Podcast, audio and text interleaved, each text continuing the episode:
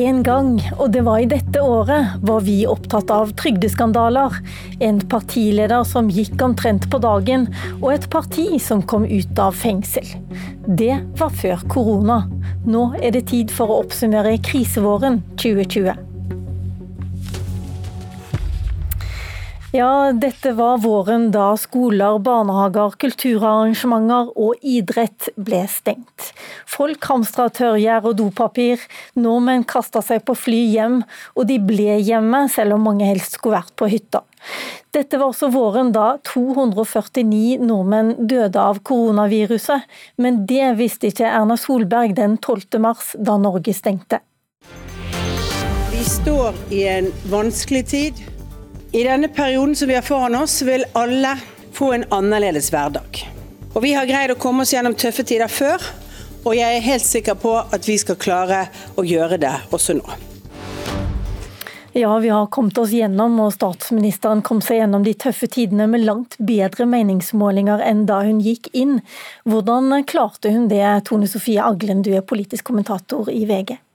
Jeg tror at det etterlatte inntrykket er at eh, Erna Solberg kom seint, men når hun først kom, så kom hun kraftfullt eh, og godt og kommuniserte tydelig. Men hvis vi borer litt mer i politikken, så så vi to veldig forskjellige ting som skjedde. I den økonomiske politikken, som handla om eh, krisepakker og andre ting, så ble regjeringa fullstendig overstyrt av Stortinget, og oljekranene ble satt på for fullt, mens debatten debatten om smittevern, om tiltak, der så vi at eh, regjeringa fikk fullstendig frie tøyler, fikk veldig høy tillit for det de gjorde, og vi fikk heller ikke en eh, debatt eller en problematisering av om alt det var riktig. Og vi så også at de små forsøkene som ble gjort, f.eks. fra Arbeiderpartiet ved å stille spørsmål ved eh, om noen av tiltakene var riktige, de falt fullstendig til steingrunn. Magnus Takvam, du er politisk kommentator her i NRK. Nå er det satt ned en kommisjon som skal finne ut av eh, hvordan Norge håndterte koronakrisen. Det er jo et kjempesvært spørsmål.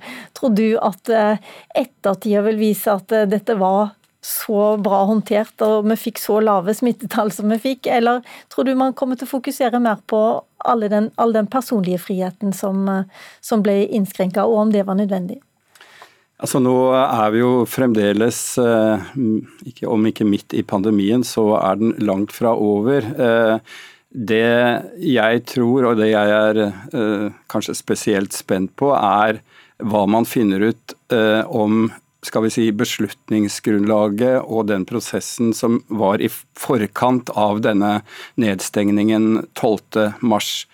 Det lille inntrykket jeg har fått eh, fra, fra, kommisjonens arbeid, er at det er veldig vanskelig faktisk å finne eh, underlagsdokumenter som på en måte skulle være beslutningsgrunnlaget for, for myndighetene og regjeringen på det tidspunktet, fordi selvfølgelig alt ble tatt, om ikke i panikk, så under veldig sterkt eh, tidspress. Og jeg tror svaret på spørsmålet ditt vil være delt i to når det gjelder selve eh, skal vi si, den helsemedisinske smittevernbiten. Så tror jeg man, selv om man vil få kritikk av, av manglende beredskap osv., vil, vil komme noenlunde ut. Men hele hele spørsmålet om nedstengningen av samfunnet, eh, arbeidsledigheten som kommer til å være svært høy neste år også. Jeg tror kanskje det etter hvert blir eh, det som kommer til å prege den politiske debatten. Der vet vi ikke svaret enda, og det, det er det som, som, eh, som vi ser tegn til nå, at det blir kritikk mot regjeringen på. Hvis vi ser litt mer tilbake først, Eirin Eikefjord, du er politisk redaktør i Bergens Tidende. Regjeringen innførte de strengeste restriksjonene på vår personlige frihet siden krigen. Man skulle kanskje tro at det hadde vært litt mer opposisjon underveis? Ja, og det er jo et veldig interessant aspekt her. For det har jo vært ekstremt lite kritikk av regjeringens strategi i begynnelsen. Jeg tror det har vært det at klimaet for å fremme kritikk har vært eh, dårlig. Man ønsker Altså egentlig påfallende hvor eh, lydige både befolkningen og kanskje også opposisjonen til en viss grad har eh, vært eh, i den tidlige fasen. På hvilken måte mener du det? Jeg tenker eh, altså Forsøk på å komme kritikk har jo enten falt på steingrunn, som Aglen er inne på. Det er egentlig vanskelig å komme med en alternativ, bedre strategi når man har så lite informasjon å lene seg på. Det kom jo lite informasjon om faglige råd i forkant, så det var vanskelig å gå tungt inn i det før beslutningen allerede var tatt. Eh, og så har det jo vært en sterk oppslutning om ledelsen. Det ser en uansett kan prøve eh, prøver å kritisere, at eh, får gjerne beskjed om at nå er tiden for å lye. Eh, en slutter opp om myndighetenes råd. og eh, Veldig lojalt. Jeg tror at folk hadde veldig stor forståelse for at det var en krevende tid å styre landet. Og det fikk nok òg utslag på graden av kritikk.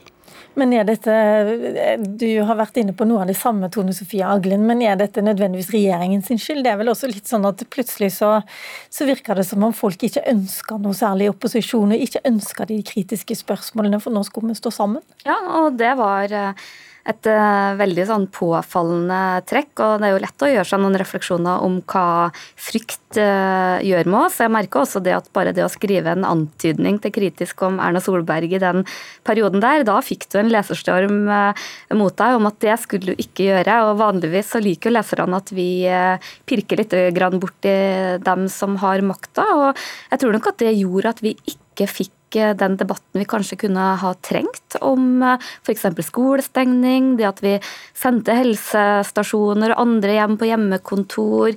Det er mange ting som har hatt en effekt. Jeg tror de historiene nå begynner å eh, komme opp, og den debatten eh, fikk vi dessverre ikke. Og kanskje er den der litt sånn frie debatten det vi mister litt for å klare å kommunisere så tydelig og få folk til å forstå alvoret. Det kunne jo ha vært Frp som satt på noen av de viktigste statsrådpostene i koronaperioden. De kunne hatt ansvar for eh, justis, samferdselssektoren, olje og energi, og folkehelseministeren kunne de også hatt. De kunne hatt kontroll på finansen og alle krisepakkene også, men 20. januar, før alt dette, så sa Siv Jensen at nok var nok. Jeg tok oss inn i regjering, og nå tar jeg Fremskrittspartiet ut av regjering. Og jeg gjør det fordi det er det eneste riktige å gjøre. Magnus Takvam, ville Frp ha håndtert korona annerledes, tror du? Selvfølgelig helt umulig å svare ordentlig på det, men jeg tror ikke forskjellen ville vært så stor. I hvert fall ikke i den første innledende fasen. Fordi eh, alt som da handlet om å løse den akutte krisen, både eh, helsefaglig og økonomisk etter hvert med de første krisepakkene.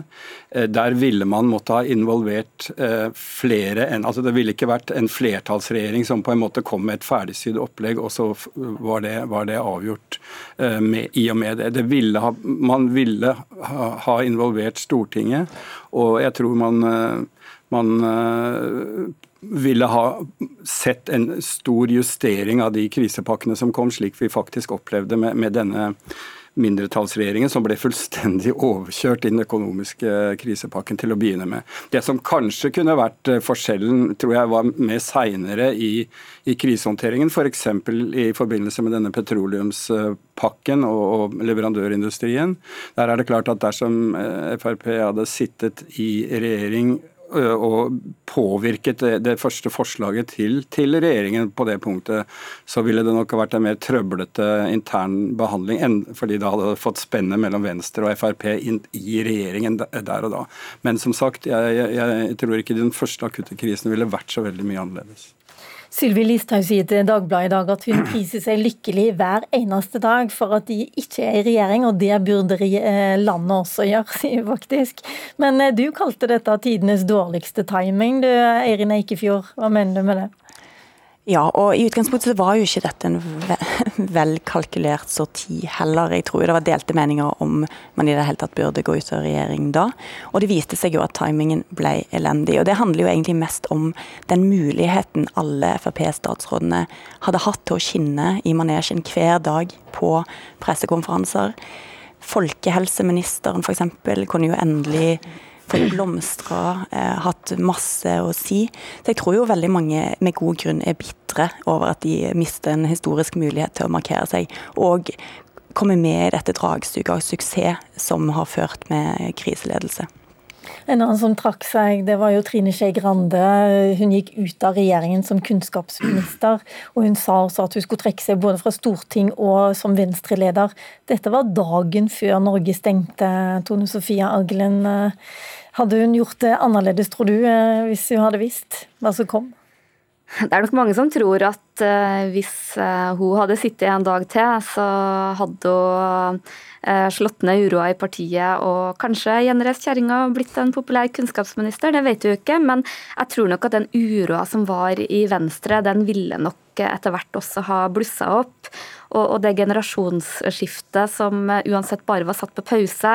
Jeg tror partiet er glad for at det, at det ble framskynda med den avgjørelsen hun tok. Og så er mitt klare inntrykk at Trine Skei Grande sjøl er letta over å eh, endelig ha sluppet tømmene i partiet. Så får vi jo se i høst, da, hvis de får valgt seg en ny partiledelse, om det er det som skal til både for å få ro i Venstre og få partiet over sperregrensa. Men eh, krisepakker og skyhøye ledighetstall det pleier å bety at eh, flere velgere går til Arbeiderpartiet, men det har ikke skjedd så langt. Jonas Gahr Støre innrømmer i Politisk kvarter at han ikke forstår helt hvorfor. Hadde jeg hatt den knappen eller det tiltaket som viste at gjør du det, så får du 26, 29, 31, 33 eh, Tro meg, jeg hadde trykket på den knappen. Men politikken er ikke sånn. Tillit kan du ikke abonnere på, du må vinne den. Og jeg har til hensikt å gjøre det. Eirin Eikefjord, eh, det har vært mye snakk om uro på borgerlig side, men det er ikke helt krystallklart hva de rød-grønne har tenkt å gjøre eh, som et alternativ heller? Nei, absolutt ikke. Og på de siste målingene nå så viser det jo at eh, det tidligere rød-grønne alternativet Arbeiderpartiet, SV og Sp ikke ville fått flertall eh, hvis det hadde nå vært et valgresultat. Og det betyr jo at de må søke samarbeid enten med Rødt eller MDG. Og det er jo kontroversielt i flere av disse partiene. Så de klarer jo ikke å samle seg om en, alternativ, en alternativ blokk som vi kan stemme på. Så det betyr jo at mye ikke blir klart før etter valget.